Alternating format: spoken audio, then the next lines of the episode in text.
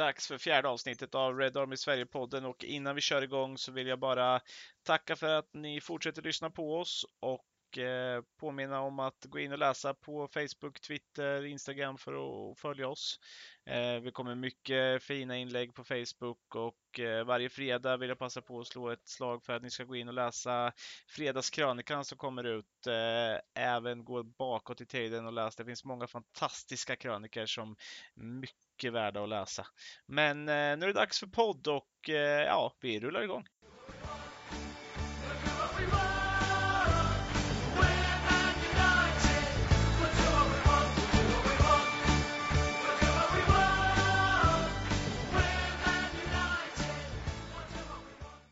Startar vi igång det fjärde avsnittet utav Red Army Sverige-podden. Eh, och eh, jag ville bara börja med att säga att jag faktiskt sitter i en av våra nya Red Army Sverige-tröjor som går att beställa på vår webbshop och den är otroligt snygg och skön.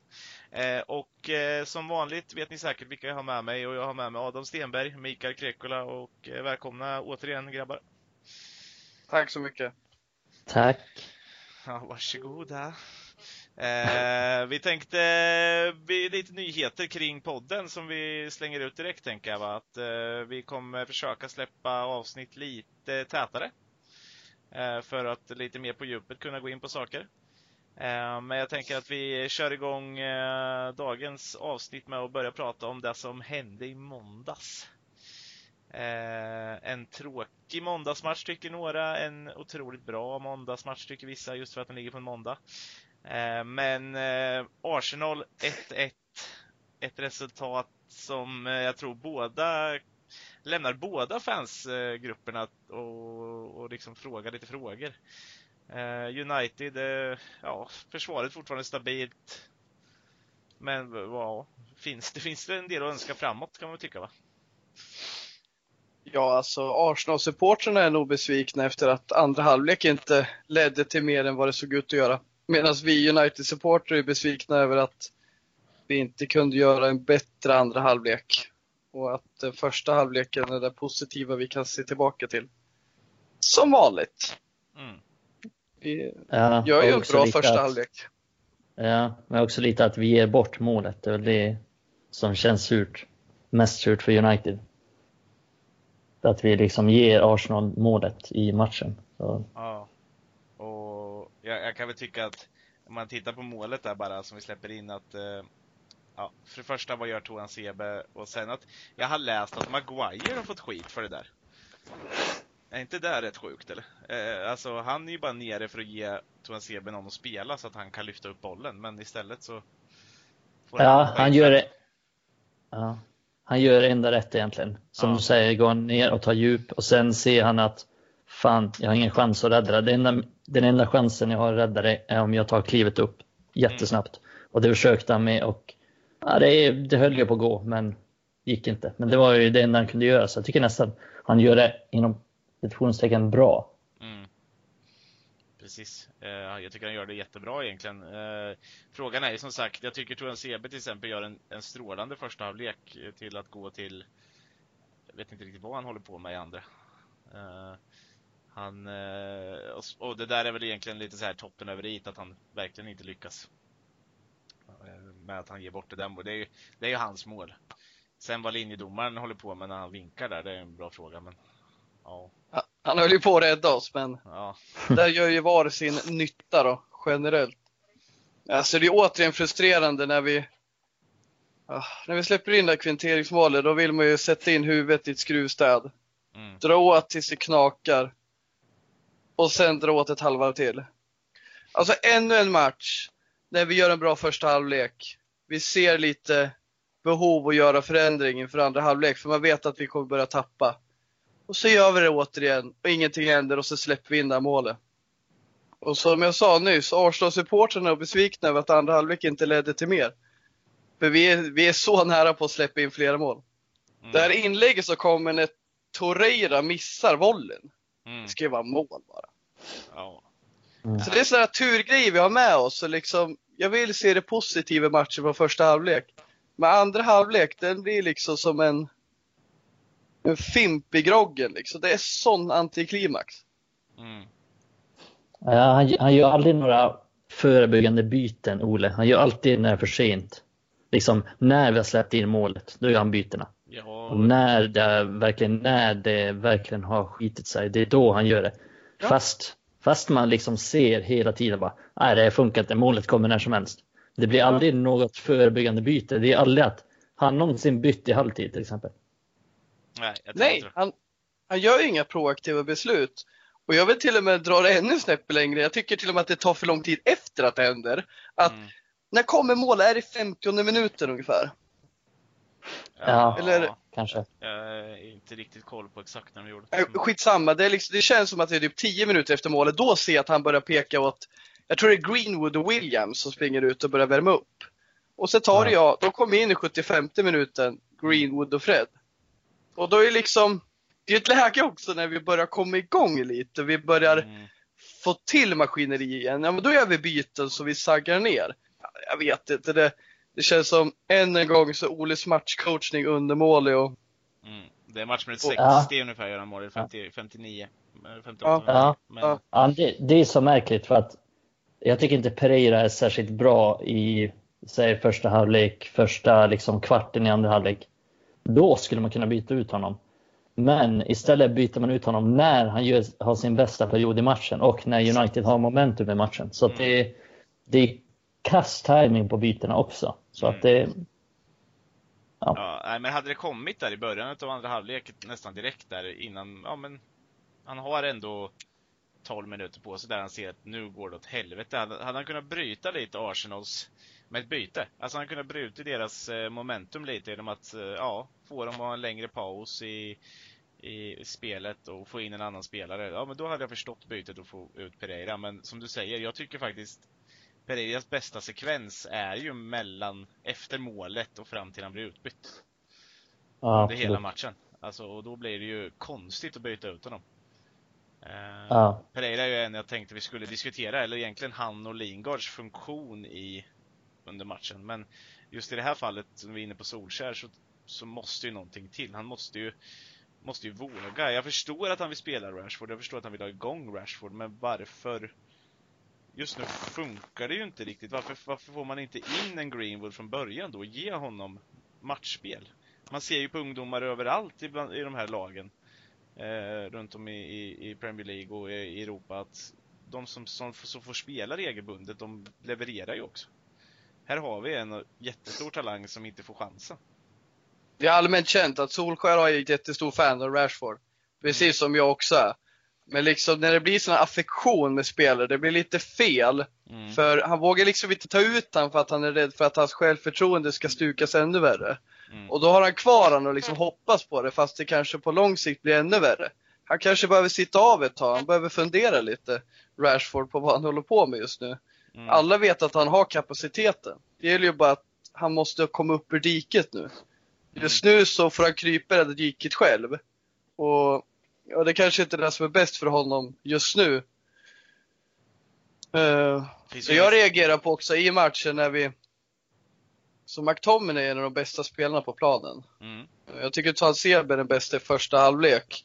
Men McTominay, det är jättepositivt att han gör bra ifrån sig och är så uh, framfusig i offensiven.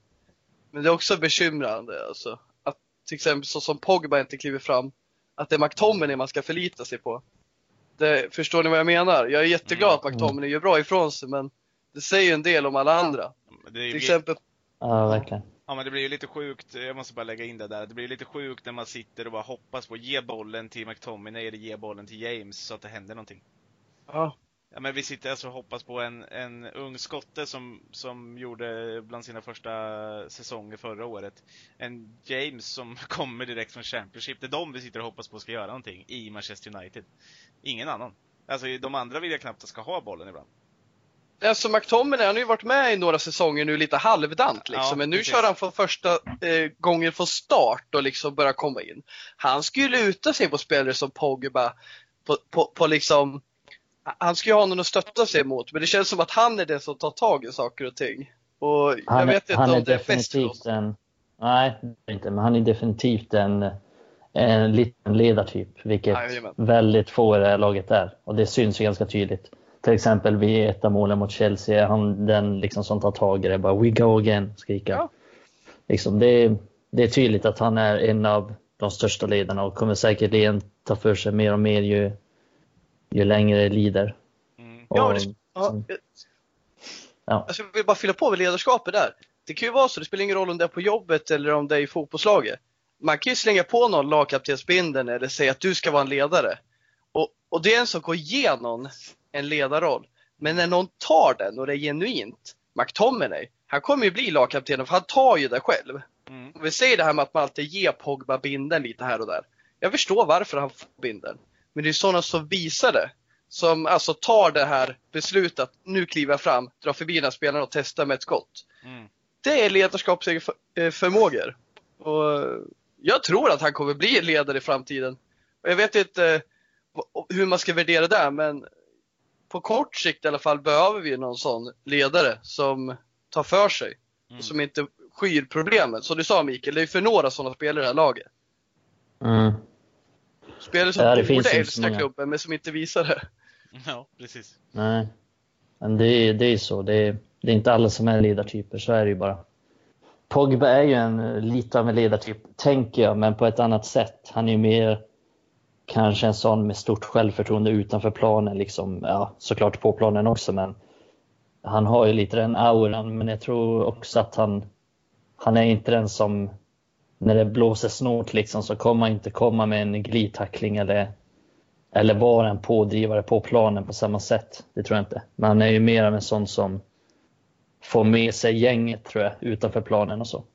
Kanske de ska på, ja. om de ska liksom på modevisning, då är han ju längst fram där liksom och styr och ställer. Så är det ja. Han har ju en aura och en pondus som är extremt ja. gynnsam när vi leder och han liksom tar för sig och gör lite tokiga grejer som skapar omöjliga lägen för oss liksom man inte trodde fanns. Mm. Men eh, när det går dåligt, då vänder det till det negativa istället. Då är den här pondusen han har, den tynger ner axlarna på folk istället. Mm. Mm. Han är ju inte sen att exponera sina känslor till ett negativt sätt när det går dåligt. Och där tycker jag ändå att McTominay är bra. Han är alltid liksom, han känns positiv i allt han gör oavsett om vi leder eller ligger under. Mm.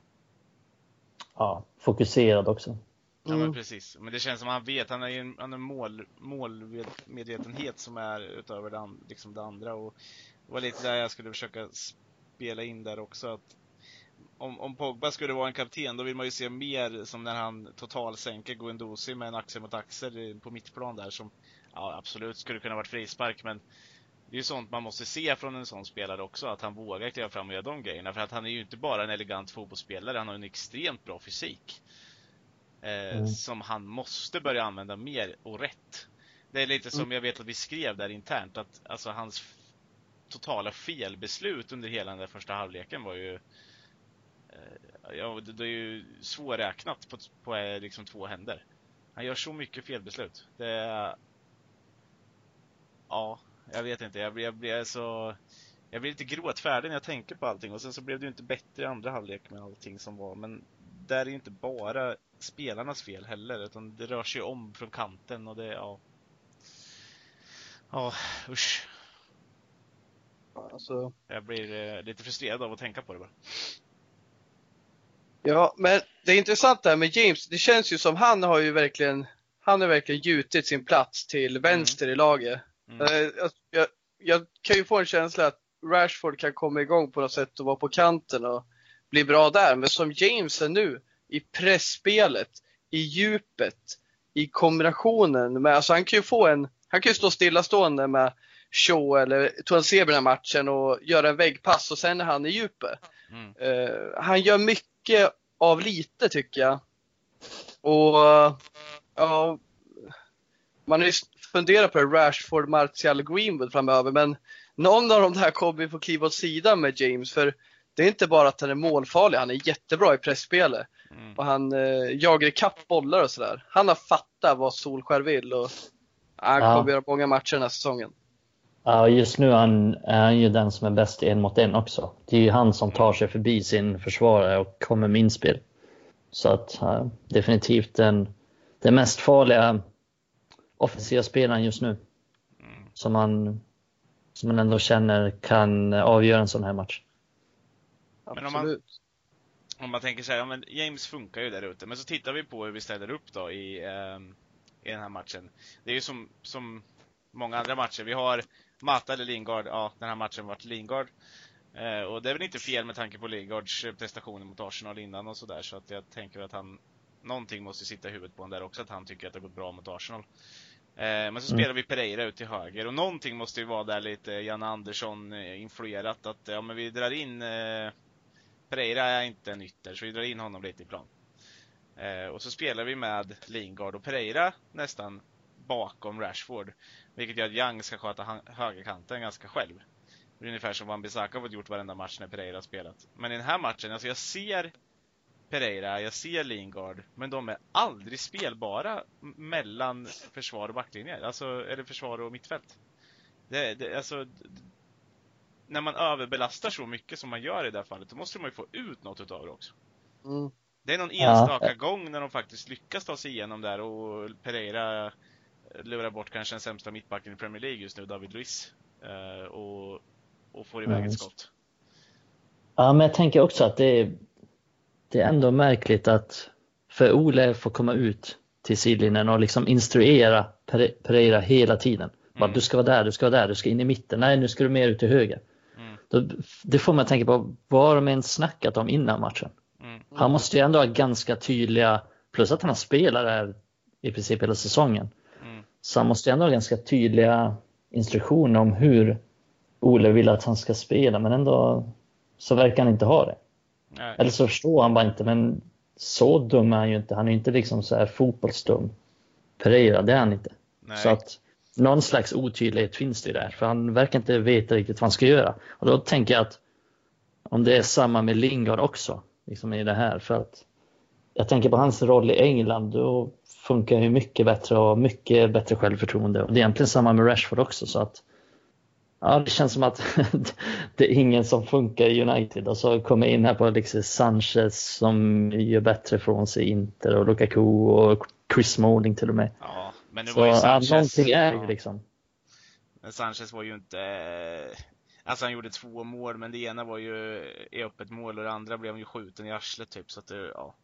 Jag vet inte om det... Ja, det är ändå mer än, i princip mer än vad han har gjort i United. Så. Ja, men om vi, om, vi hade, om vi hade några andra spelare som kunde skjuta honom med arslet och in så hade det väl också gått. Men, men i tidigare matcher när Lingard har eh, varit lite liksom malplacerad. Han har eh, rört sig i fel område. Man har liksom mm. kritiserat att han inte har funnits där i hålet och varit tillgänglig.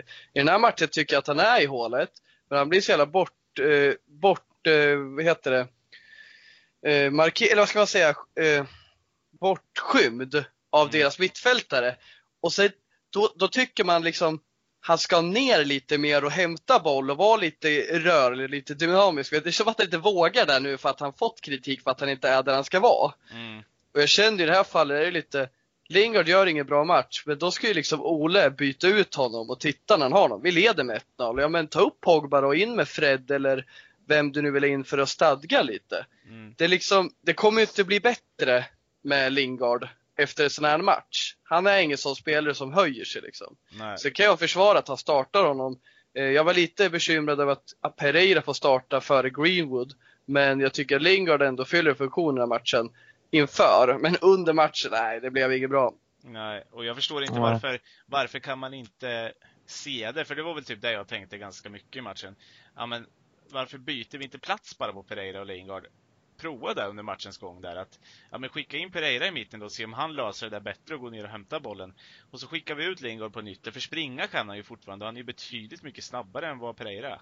Då hade vi åtminstone kunnat fått en högerflank som faktiskt också hade kunnat tagit sig runt lite. För Young lyckades ju inte eh, själv där ute heller. Han tar sig ju inte förbi, inte så som man, vi har sett Van Bissaka. Sen att han har bättre inlägg än Van Bissaka, absolut. Men, mm. men, men, han tar sig ju inte runt Young längre. Alltså det, det har han inte riktigt. Eh, Nej, det man... tycker jag är intressant. Att för, förlåt om jag avbryter. Mm, men jag det tycker jag är intressant för att Ashley Young är jävligt mycket bättre på vänsterkanten än han är på högerkanten. Mm. Håller, håller inte med?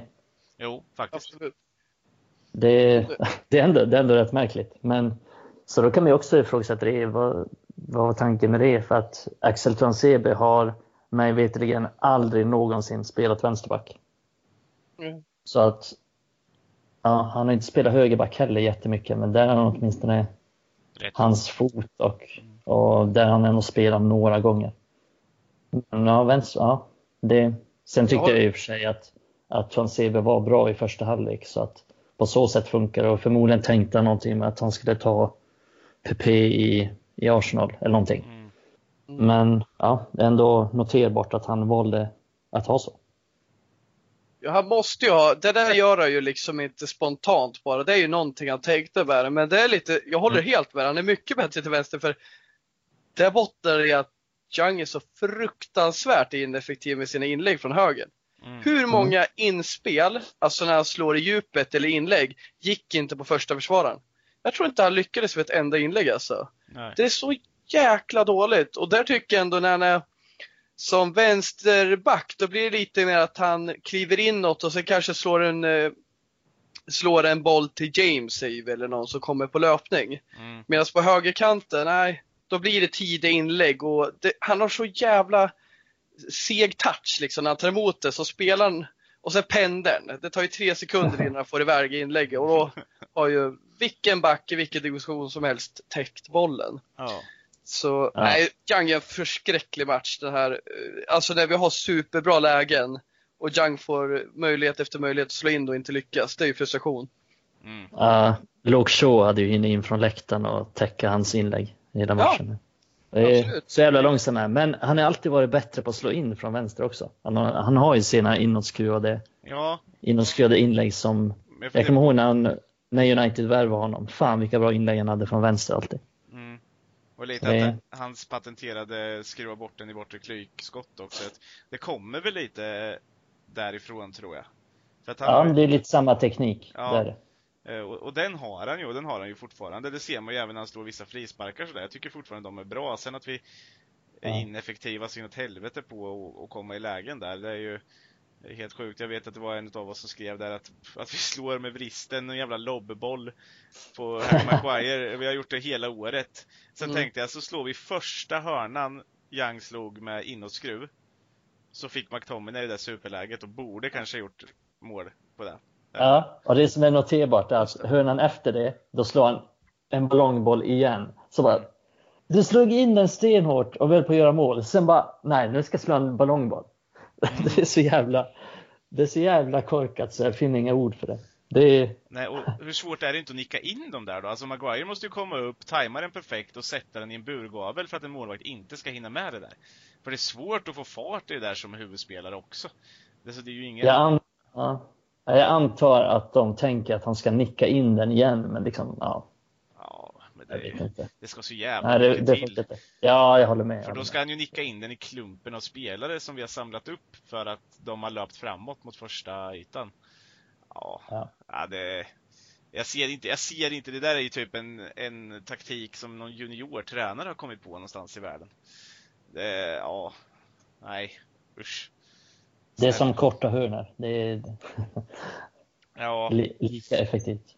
Ja, men det är ju liksom ja. inte Solskjaers taktiska känsla. Jag vet inte om det är han som gör det eller om det är någon annan som kommer på de här, men, men någonstans där så måste ju den här coachningen nu på matcher ändras. Vi har ju ett, ett fysiskt övertag på Arsenal som skriker. Alltså eh, i huvudspel och sådär. Om man tittar när vi har spelare som eh, McTominay, Pogba, Maguire.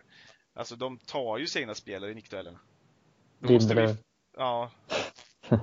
Ja. Jag skojar. Ja. ja, nej. Men, nej, men tror han CB har vi ju den här matchen också. Ja. Så att han, eh, vi har ju många målfarliga spelare på huvudet. Alltså som skulle kunna skapa någonting. Men vi får ju aldrig in bollen till dem. Oh ja. Nej. nej. Nej, någonting måste ju upp och ändras där i alla fall, det är ju en sak som är säker. Men jag tänker, vi har ju inte nämnt dem överhuvudtaget och de är väl lite i, i skymundan den här matchen, för jag tycker inte de blir så mycket testade, för de gör det ju bra, men Maguire och Lindelöf tycker jag gör en, en stabil match. Och de Gia också, det är ju inte deras fel att målet blir till. Nej, de Gia är bra. Och de Gia gör en riktigt Maguire, bra match. Mm. Ja, Maguire och Lindelöf är stabila. Ja. Det finns inte så mycket att säga. Nej, för om man tittar på lägena som blir den här Torreiras läge då, ja absolut, där kanske Lindelöf ska vara lite närmre honom. Eh, mm. Men... Eh, och samma med skottet där också. Han avvaktar lite för mycket där kanske. Ja, Lindelöf. Men, men i det stora hela så... Men du menar när han kommer, Sacco, eller vad heter han, Saka? Kommer Ja, precis. När, och ja, men, får göra där, dubbelt Pereira halkar. Det är ju ja. Pereiras fel. Alltså vad håller han på med? Ja, ja. Oh, ja. Även om han halkar så måste han ju kunna nudda den där bollen. Eller? Alltså vad är, ja. Det här Torreira-missen, den hade ju inte Lindelöf och Maguire koll på heller. Den är ganska enkel. Det går inte så jävla snabbt. Nej. Där har vi ingen diskussion. Men jag tycker också de är stabila. Men jag tycker fascinerande att vi liksom blir lyckliga med att de är stabila. Det har, ja. det har gått så jävla långt. Ja, ja det har Så vi, vi, vi, vi suktar liksom... ju efter stabila insatser. Ja. Mm. Men Sen är ju inte försvaret vårt stora problem den här säsongen, men ändå. Eh, man är nöjd när det är stabilt. Mm. Ja, det var väl lite som vi pratade om här innan att eh, eh, jag vet ju att jag har sagt det tidigare i, i podden här eh, i andra avsnitt att jag tyckte att vi hade en backlinje som, eh, som håller eh, topp 4-klass. Och att vi hade en offensiv som ändå skulle kunna bidra till en topp 4. Men att vi saknar mittfältet. Men ja, och den här offensiven finns ju inte längre. Vi har en spelare som levererar och det är Danny James. Ja, Martial då, men han, vi vet ju inte hur mycket vi kan räkna med honom. Ja, eh, alltså, det står ju i varenda match att han ska vara tillbaka till nästa match, men nu är det ju oklart om han ens är tillbaka till Newcastle. Så att... Ja, och det som är intressant är att Greenwood har gjort mål i sina två enda starter den här säsongen, så att mm. det är ju fortfarande öppet. Om han, man vet ju inte för hur han skulle reagera om han fick starta. Men jag tycker att han, han, han har lite svårt att komma in i matcherna ibland när han hoppar in tycker jag. Ja, det blir inte riktigt rättvist aldrig... för honom tycker jag inte. Nej, exakt. Det är svårt att kräva så jävla mycket och det är svårt att komma in i en match. Han är taktisk. Han vill inte bli någon supersub som får börja på bänken. Han vill visa att jag ska starta liksom.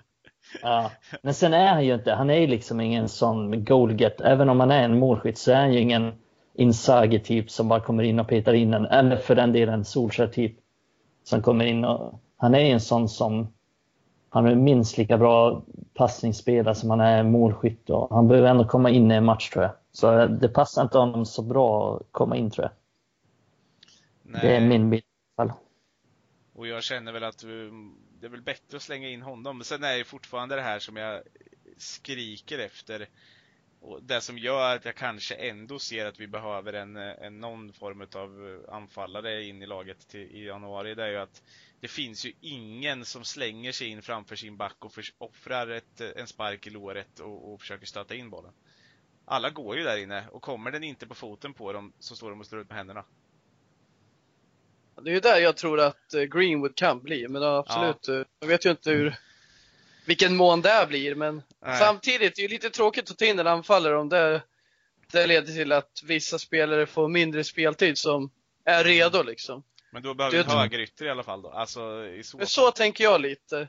Jag tänker att Martial och Greenwood kan alternera som anfallare. Sen är inte jag mm. hundra säker på det, men jag, jag tycker väl att det är värt att satsa glömma att det är ett projekt liksom. Det började ja. i mm. somras när han fick skippa ut några spelare och ta in några ungdomar. Så jag förstår ju, jag, jag, jag kan inte, klart som fan att folk vill ha in bra spelare och så.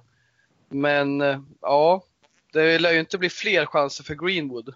Eh, Nej. Med tanke på Rashford. Han är ju väldigt favoriserad. Eh, det är väl det med Martial. Om han ska vara skadad tre månader den här säsongen liksom, då... Ja, det är svårt att säga.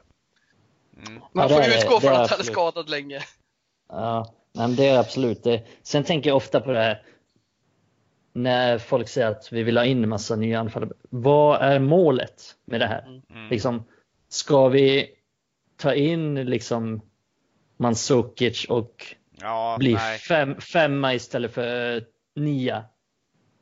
Eller ja. vad, är liksom, vad, är, vad är målet, vad är tanken? Vad, vad händer nästa säsong då? Mm. Alltså, Nej, det är inte där förstår, ni vart, heller, men... förstår ni vart jag vill komma? Ja. Vad, vad är liksom målet med det här projektet? För mig är ju målet att vi bygger någonting långsiktigt som kan bli bra. Som inte är jättebra just nu, men som kan bli bra. Och med det tänket, då måste liksom Greenwood få chanser att mm. misslyckas. Då måste Rashford kunna få spela striker och misslyckas. Mm. Även om jag inte vill ha Även om jag inte vill ha Rashford som striker så är det ju så, liksom, så vi måste tänka. Det är en helt annan femma om mm. det är så att vi värvar någon så att vi slipper spela med Pereira från start eller vi ser med Matic från start. Det är ju spelare som i alla fall inte jag vill vara med i den långsiktiga planen. Nej, det är en annan femma.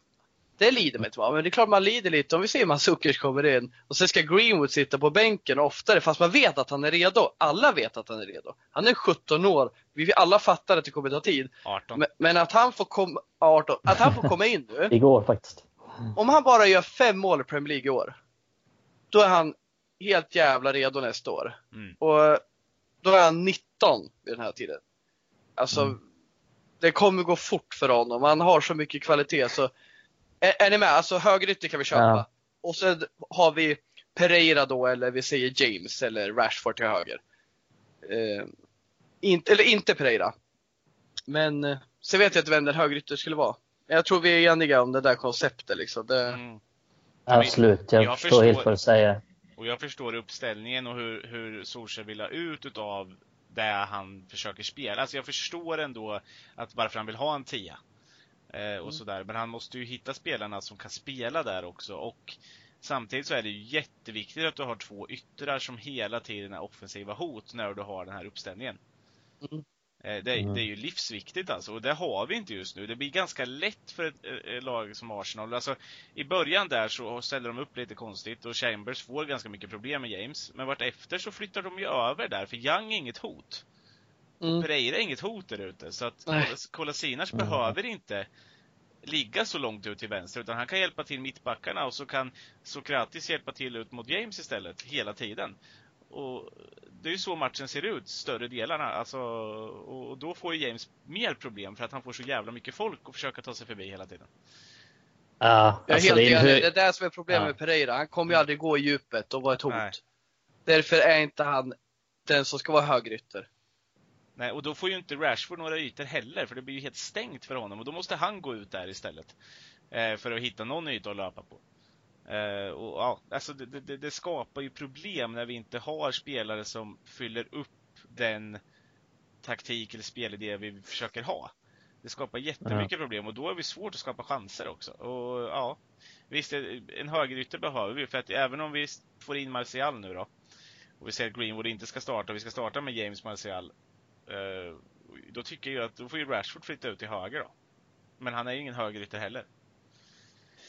Uh, inte i min mening. Det finns, ju ingen, det finns ju ingen optimal där, så är det. Nej. Det är därför han jo. spelar med Pereira också. Vi har en i U23-laget. Vem då? Larchi Ramazani. ah, fan jag borde, jag borde fattat att den skulle komma. Ah, okay. Ja, men eh, jag kan säga att han är lika bra på vänster också. Och ja. spelade faktiskt centralt igår också. Ja, jag vet, jag har sett den sista matchen att han faktiskt startade som forward mot, eh, vilka var det? Det var ju 23-matchen som var inte mot Lincoln utan mot... Eh, ja. Nor Norwich, eller? Ja, precis. Det var de jag okay. tänkte. Yep. Då spelade striker i alla fall. Ah, ja, vi ska inte blanda in honom för mycket, men eh, ja, det vore väl kul om han fick chansen någon gång kanske. Då hade jag suttit, hade jag suttit och jublat i alla fall.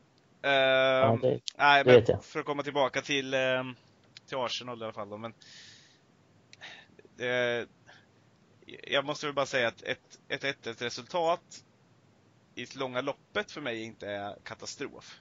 Det är väl egentligen hur det utspelas som blir katastrof. Mm. Eh, och att Arsenal ja. faktiskt inte, är det någon av de bästa spelarna på plan så är det väl, alltså jag skulle säga McTominay och Guendouzi, alltså i Arsenal. Och det, det blir mm. konstigt med vilka andra spelare som finns på den här planen. Ja, för mig är det jobbigaste att vi inte vinner mot ett så här svagt Arsenal på mm, hemmaplan. Ja. För att de ger oss en matchbild som vi vill ha. De spelar öppet mot oss, de ger oss ytor framåt. Mm. Utan att, för Arsenal är ju jättebra offensivt vanligtvis. Men jag tyckte inte de var jättebra i Nej. offensivt. De hade liksom, Aubameyang han gjorde sitt mål men var i övrigt så var han inte alls så bra som han brukar vara. Mm. Så att, ja, det, det grämer mig att vi, att vi tappar poäng i en match där, där Arsenal var riktigt svaga faktiskt. Mm. Ja, nej men vi ska väl ta, ta vidare det här och titta vidare på, eh, på vad vi har för mer saker egentligen. Eh, eh, vi har väl ganska mycket att ta med oss från Arsenal-matchen, men vi har ju två matcher till den här veckan.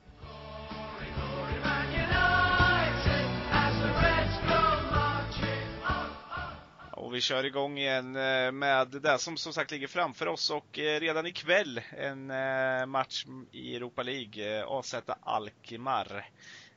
Och jag vet inte, hur tycker ni att vi ska ställa upp i den här matchen? Ja, vi är ju ja. utan Pogba, Martial, Jones, Wan-Bissaka och Shaw. Eh, kanske inte gör så mycket att vi är bort, så många ordinarie borta. Men det blir inte helt lätt för Solskär att ta, tillbaka, ta ut lag idag. Nej. Däremot, eh, till vår glädje så finns ju ungdomarna Brandon Williams och James Garner med. Mm, de är i truppen, I, mm. Truppen, ja precis. Ja, det, ja. Vi får se om de får spela någonting med tanke på att de spelar så pass mycket igår. Garner spelade hela matchen och Chong spelade 45 minuter. Williams dock var inte med, vilket indikerar på att han kanske till och med startar den här. Det vet man inte. Annars tycker jag det är en ganska stark trupp som åkt med trots allt. Det är, egentligen bara de skadade som är hemma. Så att, ja, jag hoppas på att få se Williams som vänsterback, det vore kul. Och sen vill jag att Fonseca ska starta, vilket jag tror att han gör. Garner tror jag inte startar. Men det hade varit kul, men det kommer inte hända, tror jag inte. Nej. Och Chong är Ja, det är ändå intressant för Chong blev utbytt i paus och det var ett planerat byte sedan tidigare som jag förstod det. Mm, så att, att ja, att det kanske startar får vi räkna med va? Ja, ja gud ja, han startar. Ja. Jag tänker ju, hur, hur har det varit? Gomes var ju inte med mot Lincoln. Uh, Nej. Uh, men han har ju varit lite skadad. Ja, Gomes har varit skadad ja. Och han var inte med mot Lincoln som du säger så att... Nej, men det känns väl ändå han... som att han kanske får spela. Ja, för han sparades ju lite till den här matchen. Mm. Är känslan. Annars hade han ju spelat igår. Så att... Ja, jag hoppas att han får starta, men jag vågar inte riktigt tro på det. Mm. Men, jag, men jag tror, han tror att han får någon slags speltid i alla fall, det tror jag. Mm. Jag tänker på att Ashley Young inte är med i truppen heller. Uh, alltså det känns ju som att Dalot kommer spela högerback, eller är jag helt ute och cyklar då? Nej, det känns ju rimligt att det blir så. Ja, det känns som det är den som ligger närmast där. Och om Toan Sebe borde ha en startplats eh, mm. så, är, så, är det ju om eh, den rostade brända Mackan spelar bredvid honom eller om Lindelöf och Maguire gör det. Och sen att Rocco tar vänsterbacken då, eller eh, Williams får vänsterbacken. Ja, det känns ju som att, som att Rocco startar oavsett faktiskt. För det är den sociala verksamheten här. Alla ska med. Alla ska med. Sossarna. Nej, så Rocco startar helt garanterat. Det, jag kan inte se något annat. För antingen startar han som vänsterback eller startar han som mittback. Snart sitter Stefan Löfven bredvid Ed Woodward där uppe på läktaren och vinkar lite glatt. Ja, kan det bli sämre? Det... Vi frågar om inte Diogo Dalot kommer vara högerytter den här matchen. Eh, jag ser inte riktigt framför mig vem som ska spela högrytter. Uh, jag tror ju Chong och uh, Greenwood är längst upp i alla fall. James kanske jag ser det. Ja, precis. Och det är frågan, ska man starta James som har spelat så mycket? Ska man inte testa Dalot i en högerytterposition? Jag vet inte riktigt hur jag ska få Precis, jag vet inte riktigt hur jag ska få upp uh, uh, backlinjen bara. Men man skulle vilja in Williams till vänsterback. Toasebe mittback såklart, men han kanske eh, skulle kunna ta en högerbacksplats. Jag vet det, det är klart Dalot kommer väl vara till högerbacken, men jag vill så gärna se honom som högerytter. Mm, jag ser aldrig att han kommer konkurrera ut AVB i något sammanhang. Eh, varken på kort eller lång sikt. Nej, så jag tror han gynnas av att få spela högerytter och högerytter är ju en position vi knappt har någon vettig spelare på. Mm. Mittfältet är jag ganska övertygad om att, både, att Fred kommer starta. Och sen är mm. Ja, precis. Och sen tror jag att eh, Gomes startar om han säger att han är frisk. Men Anna startar Mata. Mm. Mm. Ja, det är intressant för att kommer Gomes starta före Mata? Jag är inte så säker på det. Men jag tror han gör ja. det om han är frisk som sagt. Men frågan är, det blir ganska lätt för Solskjaer tror jag i det här fallet att säga att om du har varit skadad, du får komma in. Vi börjar med Mata. Eh, ja. Och att, eh, att vi startar, ja. Det är frågan om Chong får starta då eftersom han ändå spelar 45 mot Lincoln. Det är väl det enda jag känner. Jag, tänk, jag 45 tänker, liksom? Ja, men jag, tänk, men jag tänker ändå att eh, det kan finnas den aspekten i att han kommer spela Rashford igen. Eh, bara för att se om Rashford kan få igång det där. Att, att han fortsätter låta Rashford springa i det där diket som du pratade om innan. Just det. Eh, det, det, är väl det enda jag känner. Eh, jag tror ju att han vill vila James. På något sätt. Ja, det tror jag med. Jag tror att Rashford kanske vill spela, men det är kanske inte är så smart. Han är ju nyss kommit tillbaka från en ljumskada liksom. Mm. Han är ju med som någon slags backup. Ja, jag tänker också det. Ja, det, det, det är lite klurigt som sagt. ja, jag, jag har inte riktigt lärt mig känna Ole på det sättet. Liksom. För man, jag kommer ihåg med Ferguson, då kunde man, man kunde aldrig räkna ut en startelva, men, men man hade ändå lite känsla hur han tänkte och han resonerade. Och samma med liksom Mourinho och så. Men jag känner inte riktigt så med Ole än. Jag vet inte riktigt hur han tänker här. Ja, vi får se. Men jag hoppas ju att det går med start av hela mitt hjärta för att det förtjänar han och jag tycker han ska fan spela före Mata, så är det. Mm. Men jag ja, tror man, att får ju bild att, Jag får ju bild att Solskjaer bara, ja jag måste ju spela Gomes, han är ju så jävla bra. Så liksom, ska jag precis skriva ner den i startelva, så ser han Mata där borta sitta och liksom hänga läpp, så bara, nej jag vet inte om Mata ska vara med. Det är lugnt Matta, så här, du vet det är lite blinkning till honom. Bara, du är med. Jag, jag skojar bara. Jag skojar bara Matta. Det är, jag tänkte ta ut det hela tiden. Sitter Matta där bara, jag ringer Stefan annars. Så, så bara, Just det, fan. Rochon hållhake på mig också så han måste vara med. Brandon Williams, du kan byta om igen. Ja. Ma Matte har ju en svensk flickvän så att det är, det är kopplingen där också. Ja. Han är vän med Luis Figo. Mm. Just saying. Ja, vad tror vi för resultat då? Eh, ja, jag skulle väl kunna tippa på att det blir något liknande. Jag tror United kommer styra matchbilden och sen att det blir ehm, ja, 2-0, 2-1 kanske. Någonstans där. Om vi gör två mål, ja i och för sig oklart. Ja, jag, jag ändrar mig. Jag säger 1-0 eller 1-1. Så säger jag. Ja, jag är inne på 1-1 med. Jag känner att vi har några matcher tight nu. Vi kommer lufta en del spelare. Det kommer inte riktigt vara det laget som kanske Ole vill ta ut med skadorna och sådär. Eh, jag tror vi kommer göra bra ifrån oss, men jag skulle också säga 1-1. Eh, vi spelar på konstgräs också. Jag vet inte hur ofta spelarna, ungdomsspelarna kanske spelar på det på lite chipsarenor här och var i England när de spelar U23, men nej, jag tror det kommer ställa till lite i alla fall. Mm. Ja. Nej, de, jag ska bara flika in med att de aldrig spelar på konstgräs i England. Nej. Men däremot så har de ju spelat några gånger, till exempel United mötte Young Boys och lite sådana saker. Jag tänkte I, det lite såhär eh, Champions League 23 ja, liksom. exakt, ja. exakt. Då har de spelat en del på konstgräs. Mm. Nej, men det, det är en bra aspekt faktiskt. För att det känns ju, ja det är helt annat att spela på konstgräs.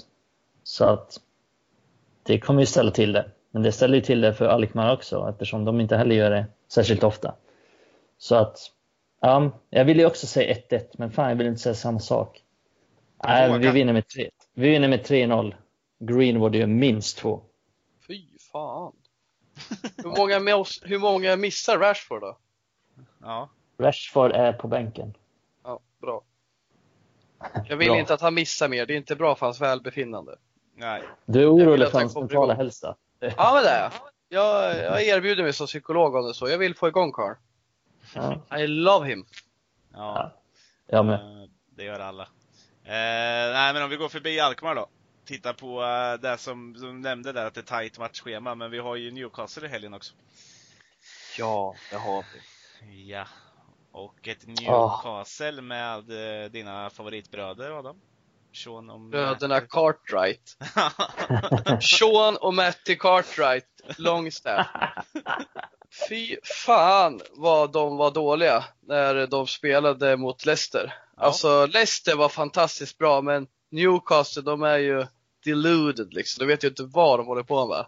Och det känns ändå som att Bruce har liksom en stadig elva som han liksom han vill få ut lite kraft i de här spelarna och så, men det är så begränsat alltså. Han kör Paul Dammet. Trots att Emil Kraft spelar högerback. Ja, han är också, han är ju inte tillräckligt bra defensivt. Han fyller på rätt bra, men jag tycker han, förlåt, det är en trevligt med svenskar i Premier League, men jag, jag är inte riktigt imponerad av honom. Och sen just Isak Hayden, var ju, för, var ju förfärligt att han blev utvisad, för det är en spelare som man älskar att möta. Mm. Han fick ju rött kort och kommer inte vara med. Så nu får de in någon annan lirare där. Och det kommer ju bara göra det bättre för dem, för Hayden är ju en riktig Championship-spelare. Um, nej men det ser liksom, Newcastle är ganska strukturerade. Det, det, finns liksom en tanke hur de ska spela, men när de släpper in mål så händer ingenting. Bruce, han vet inte vad han ska göra liksom. Mm. Och när det har gått som bäst när de riktigt har backat hem, de vann ju mot uh, Tottenham tror jag det var. Mm. Uh, och där de har liksom, de har lite finess i den här gode Almiron. Mm. Eh, Venez, eh, Paraguayanen tror jag han är. Paraguay. Han, han, är ju jätte, han är skön att se, han är teknisk, han är, det är flärd i honom.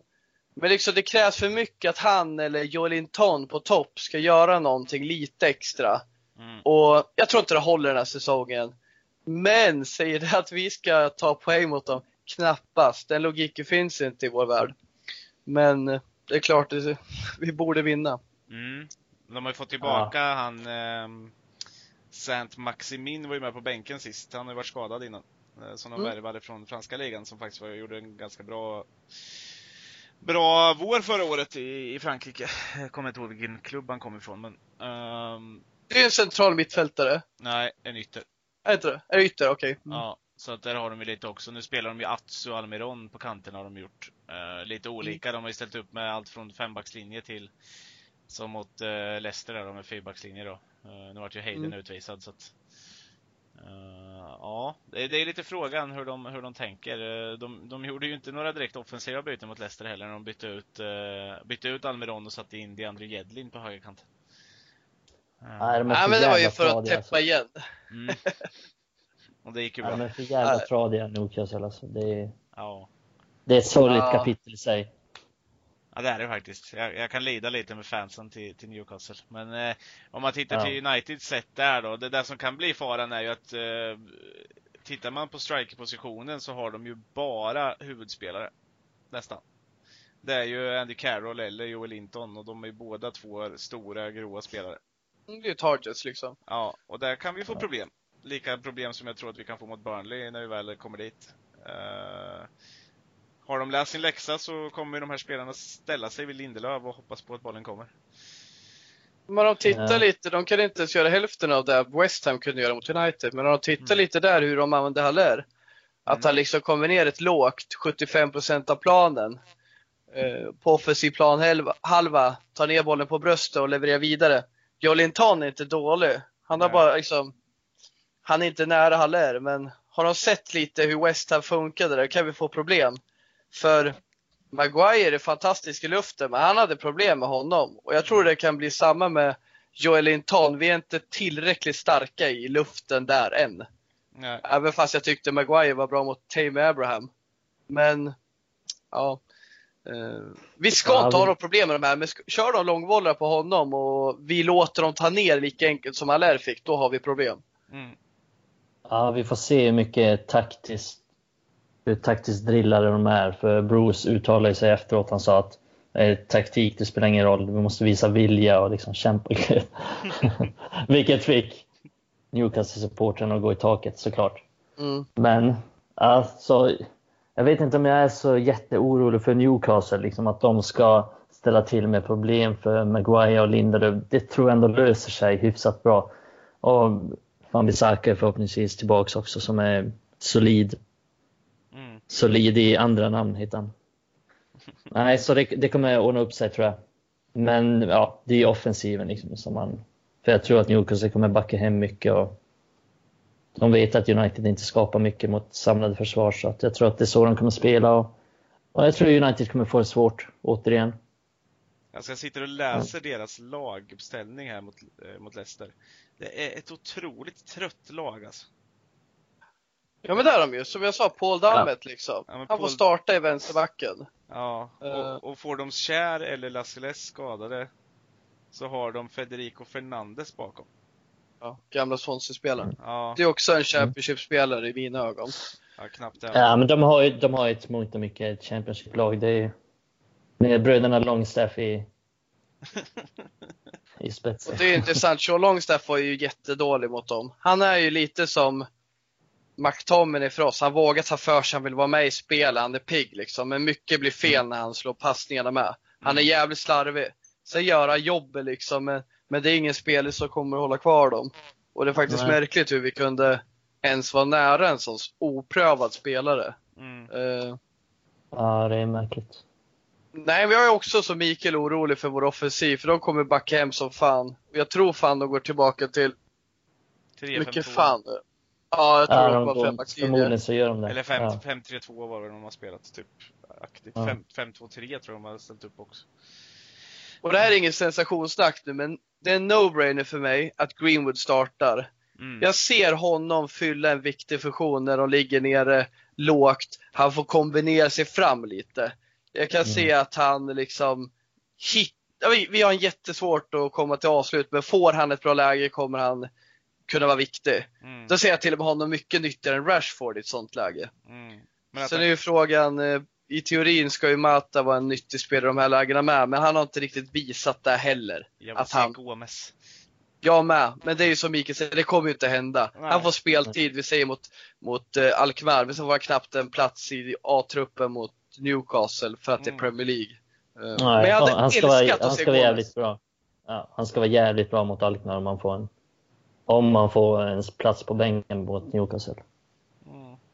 Men det ska bli lite intressant att se om, eh, för det jag tänker att jag, jag är helt med på vad du säger Adam, att, att jag vill se Greenwood, för att jag tänker att han kan få vända upp mot, mot uh, Kär eller Lascares och, och, och, mm.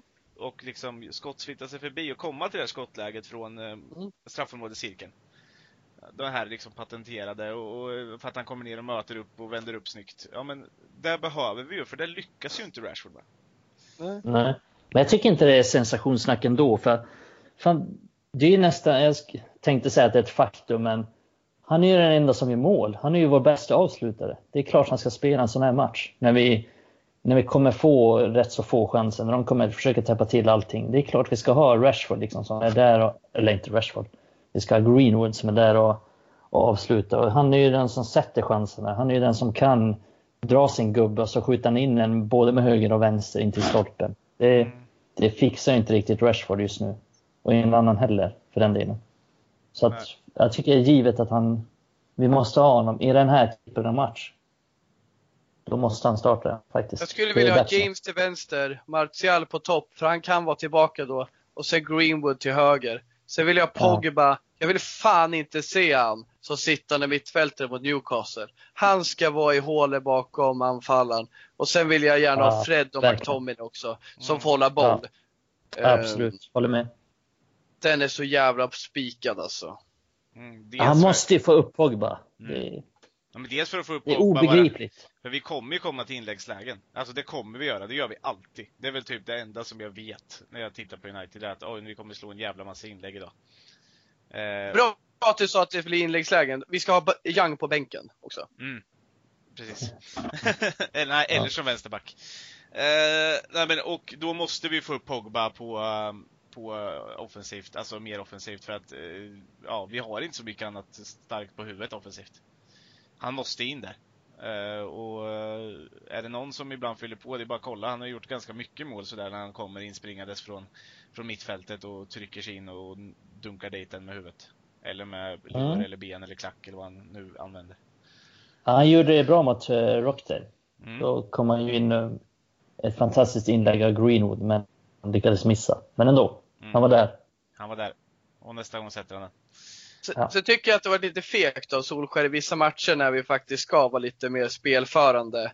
Vi säger mot Palace tyckte vi var lite defensiva. Jag tycker ta in Fred nu, tveka inte på det. Nej. Alltså, tar han in Matter så det blir jävligt tråkigt för vi, vi ska bara anfalla och det, det finns en marginal att vi kan slå bort lite bollar som att de är så ofarliga. Mm. Men tveka inte på det. Ta in Fred, låt han göra bort sig om det så, men han kan ändå kliva framåt, få upp lite bolltempo, för det kommer ju krävas mot de här. Det går ju inte då att vi kör så handbollsförsvar, eller handbollsanfall, när de har sin femma där bak, som går sakta över och sen går det till Young som slår den på första vänsterback och sen max en hörna. Mm. Jag tror Fred kan få igång vårt bolltempo. Jag vill verkligen se honom från start. Han och Greenwood. Det är en no-brainer för mig. Mm. Jag är bara beredd att hålla med. Men vi måste nog trycka oss vidare i, i samtalsämnena också. Men har ni något mer? Vi, ska vi bara säga slutresultat i Newcastle också eller? Uh, du kan få börja Adam. 1-0. Till United. Mm. Från Manchester. till United från, ja det var, det var jävla Greenwood gör mål. många där fick för tidigt. Greenwood ja. gör mål. Han skjuter den i huvudet på, på mappet och sen går den i ribban. ja, ja, ja, det är bra. Mikael då? fan, jag vill ju också säga 1-0 där. Helvete, det tar mina... Nästa gång måste jag få säga först att inte jag... Nej, men då... Oh, United. United håller aldrig nollan. United vinner med 2-1. Aldrig nollan. Mm. Fan, då tog du vad jag tänkte säga. Uh... Nej, men jag är tråkig. Jag säger också 1-0. Men jag säger att uh, Daniel James som, uh, som snubblar med sig bollen och trycker in den i bortre krysset. Så ändrar jag på så då. Så får vi se vad som händer. Uh, ja, nej men vi, vi, vi punktar vidare. Uh, vi har väl uh, nästa på schemat ungdomarna och vi har väl nyss spelat en match där. Heter den IFL Trophy? Heter det så? Ja, ja. sen har jag något sponsornamn också som jag inte orkar lära mig. Nej, precis. Men, men... det är den turneringen i alla fall. Och vi mötte... Det är den turneringen. U23-laget mötte alltså League One-laget Lincoln. Och vinner ja, återigen mot ett, ett seniorlag. Ja, det får man ju säga att det är bra gjort. Mm. Speciellt med tanke på att Lincoln faktiskt ligger före Rochdale i, i tabellen. Så att det är lite kul ändå att de vinner borta mot dem och ja. United vinner inte ens hemma mot Rochdale. Så att det blir lite ironiskt på så sätt, men ja, det var ja, United var ju om man ska vara helt ärlig hyfsat utspelade ändå. Mm. Så att det var lite med lite marginalerna med sig, men ja, de var rätt så effektiva och de satt egentligen sin första chans mm. i ett av få anfall United hade liksom i den första halvleken innan dess, för det var i 20 minuter de gjorde 1-0 tror jag.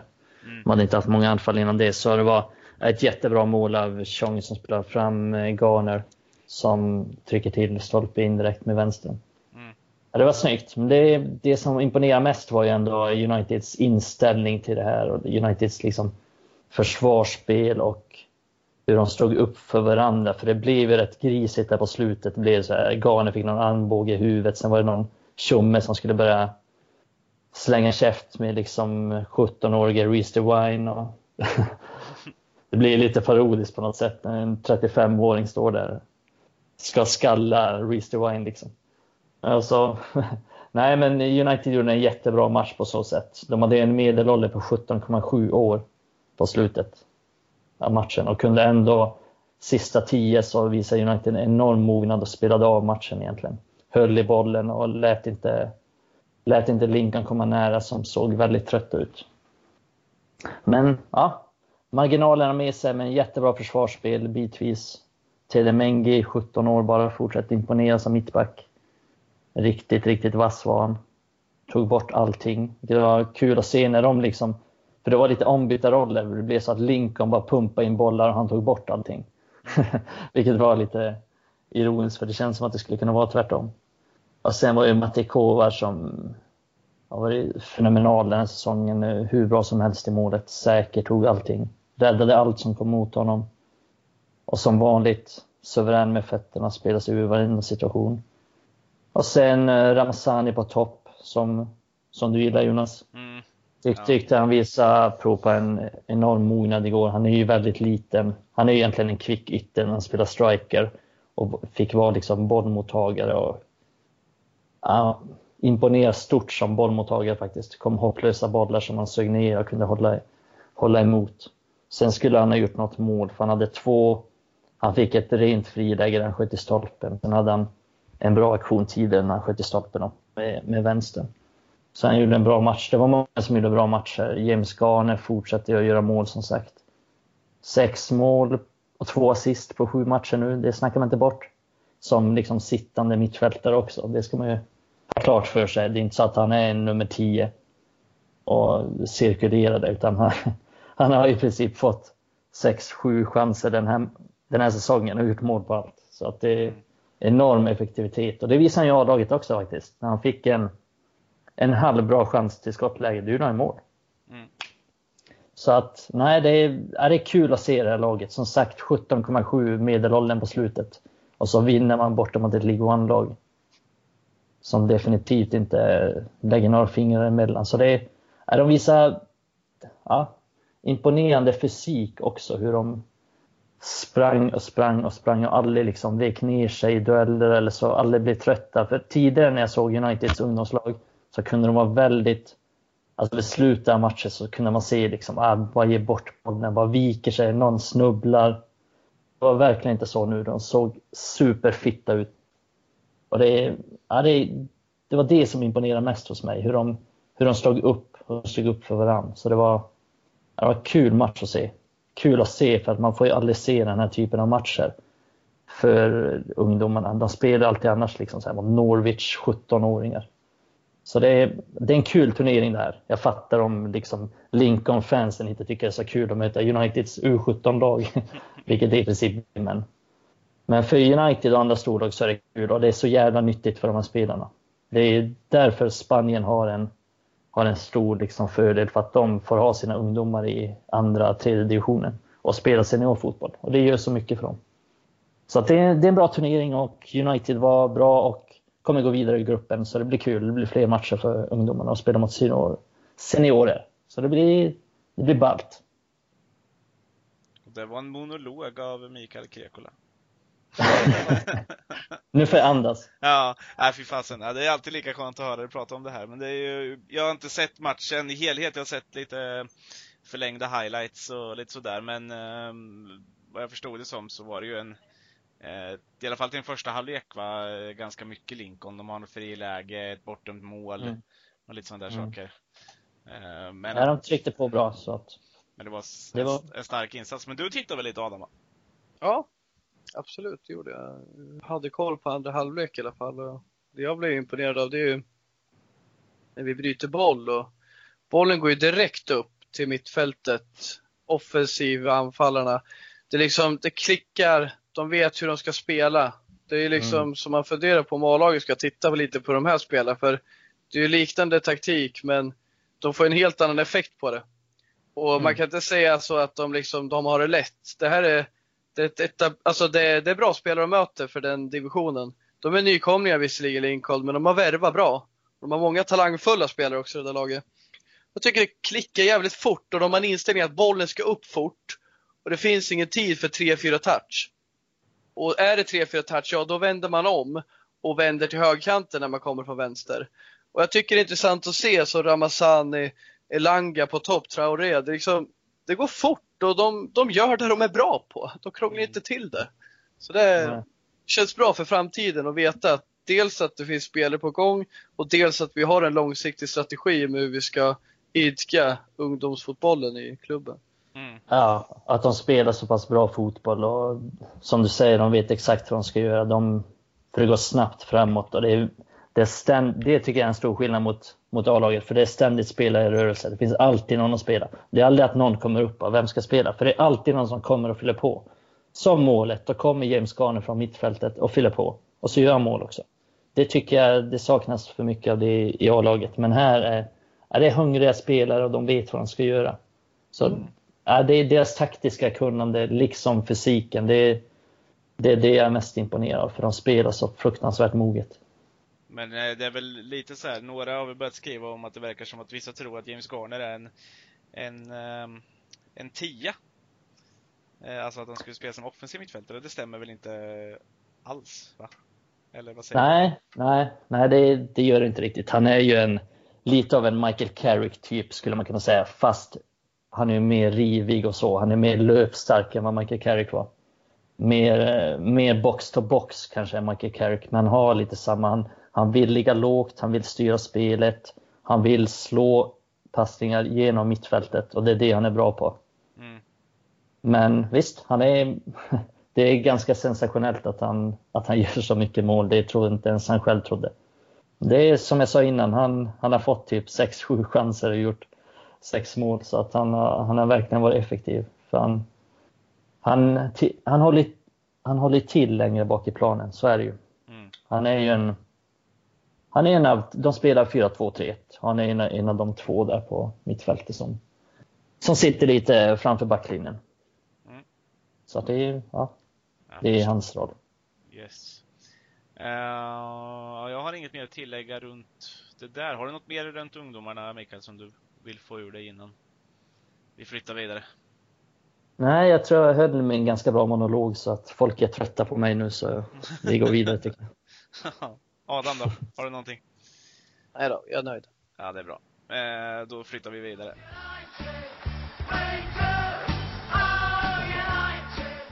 Mm, och vidare går Tuff Tuff tåget med eh, vår sista punkt som alltid era frågor och eh, vi lyckades få in lite frågor trots att vi slängde ut eh, inlägget ganska tätt in på vår inspelning här. Eh, och på Facebook eh, har vi fått in och eh, vi börjar väl egentligen direkt här. Vi har Mattias Svan som skriver att det pratas mycket om att Lindelöf slår bort eh, en hel del passningar. Jag skulle påstå att om man nu vill ha offensiva backar som ska söka offensiva passningar istället för enmeterspassningar till Matic så blir ju också följden att felprocenten ökar och att vi slår bort en hel del passningar. Eller vad är våran, ja, er åsikt ställer han då frågan till oss. Uh, och ja, vad är vår åsikt? Det där är en intressant infallsvinkel. Mm. Han menar liksom att Lindelöf, ja, slår han upp det till Matic istället så får vi ännu fler, om inte felpassningar så ineffektiva passningar. Det är intressant. Mm. Jag tycker man kan kräva mer av Lindelöf och Maguire med, för det krävs att ska vi spela där vi spelar nu, vi slipper ett moment när vi går till det här Mourinho ville att Matic skulle komma ner, hämta boll och spela upp. Som jag aldrig riktigt gillar, men det finns en trygghet i det. Men nu är det lite mer fräckare att slå en längre bredsidspassning.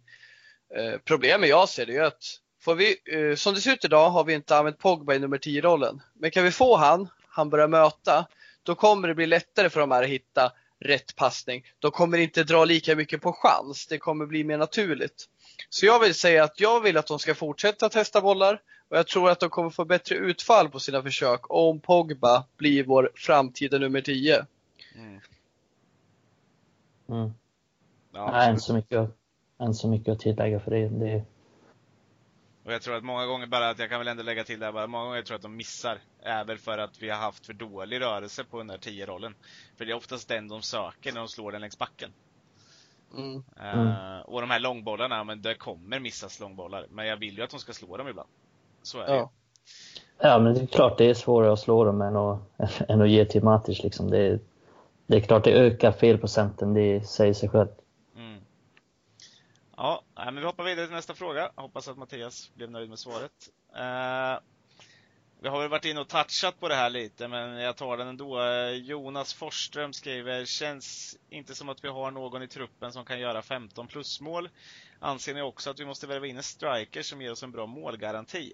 Eh, vi var ju inne och touchade på det förut. Eh, nu tycker jag väl kanske att vi har några som skulle ge oss 15 mål, men, men kanske ingen som gör 20 plus. Eller vad säger ni? Nej, det håller jag med om. Det är 15 mål har vi nog. Det tror jag ändå att Rashford fixar till slut och förmodligen Martial också om han inte är skadad för mycket. Och vem vet, kanske någon till. Nej, men... Men att värva in någon det... känns väl som ett nej, eller vad sa vi förut? Nej, men alltså som jag, som jag i alla fall sa innan så, så tycker inte jag är rätt väg att gå. Det här är liksom den... Vart vill vi komma, som jag sa innan? Det, jag tycker att vi satsar på den här grejen som vi har nu. Vi satsar på Martial, på Rashford, på Greenwood för att det är rätt sak att göra, för att det finns en potential där mm. som kan ge oss världsklasspelare i framtiden. Greenwood tror jag blir en världsklasspelare. Sen om Rashford blir det, det vet jag inte, men han har väl mer potential att bli det till vänster kanske, som någon slags ytterforward. Men så jag, jag vill inte ha in någon för att det är rätt väg att gå och satsa på de här tycker jag. Mm. Ja, jag har inget att tillägga på den i alla fall. Eh, men jag har en fråga här som jag tror är riktad lite till dig Adam, efter vad vi har pratat om innan här. Eh, Alexander Lilj Liljekreutz eh, ställer frågan, han har fått många likes på den här frågan också. Tror ni Olle under säsongen kommer flytta upp Pogba eller envist behålla honom som sittande mittfältare? Varsågod Adam, shoot! Hjärtefråga för Adam, kör! Alltså jag tror ju han kommer fortsätta ha honom där som sittande mittfältare. Jag körde honom som sittande mittfältare under försäsongen och jag har svårt att se att han kommer peta upp honom, men jag hoppas han gör det. Jag tror faktiskt inte han kommer göra det. Jag tror han kommer hålla vid det. Han har en tanke med det och han kommer att ha tålamod med den tanken. Eh, frågan är bara liksom, gör Fred en supersäsong, ja men då kan han ju inte ha kvar Pogba där för då måste han ju peta antingen McTominay eller Fred. Eh, men det beror på lite hur det utspelar sig. Men jag tror faktiskt inte det är så självklart att han kommer sätta upp han som nummer 10. Nej. Nej, jag... Men Nej. frågan var liksom, tror jag eller vill jag? Um, vi ska se, frågan var, tror ni Olle under säsongen kommer flytta upp Pogba? Så att, uh, ja, frågan är, tror du? Jag tror inte han kommer att få start särskilt mycket. Men jag tror att han kommer göra det i matcher när han känner att nu vill jag lite mer offensiv spets. Mm. Uh, för att liksom få in, vi ser Fred då i plan och sen ta upp Pogba. Men... Mm. Jag får ingen känsla att det kommer hända så på ett tag. Mm. Nej. Så är det. Eh, och jag tänker att vi eh, avslutar egentligen med den frågan. Eh, gött snack idag. Eh, hoppas att ni gillar att vi tajtar till det lite och att vi återkommer lite oftare. Eh, vi kommer väl med en redan nästa vecka igen, hoppas vi. Eh, då det blir lite mer inriktat på de matcherna som har varit och vi kan vara lite mer specifika på det som har hänt eh, nyligen också. Eh, men jag tackar grabbarna här återigen för en bra podd, så hoppas jag att vi hörs nästa gång.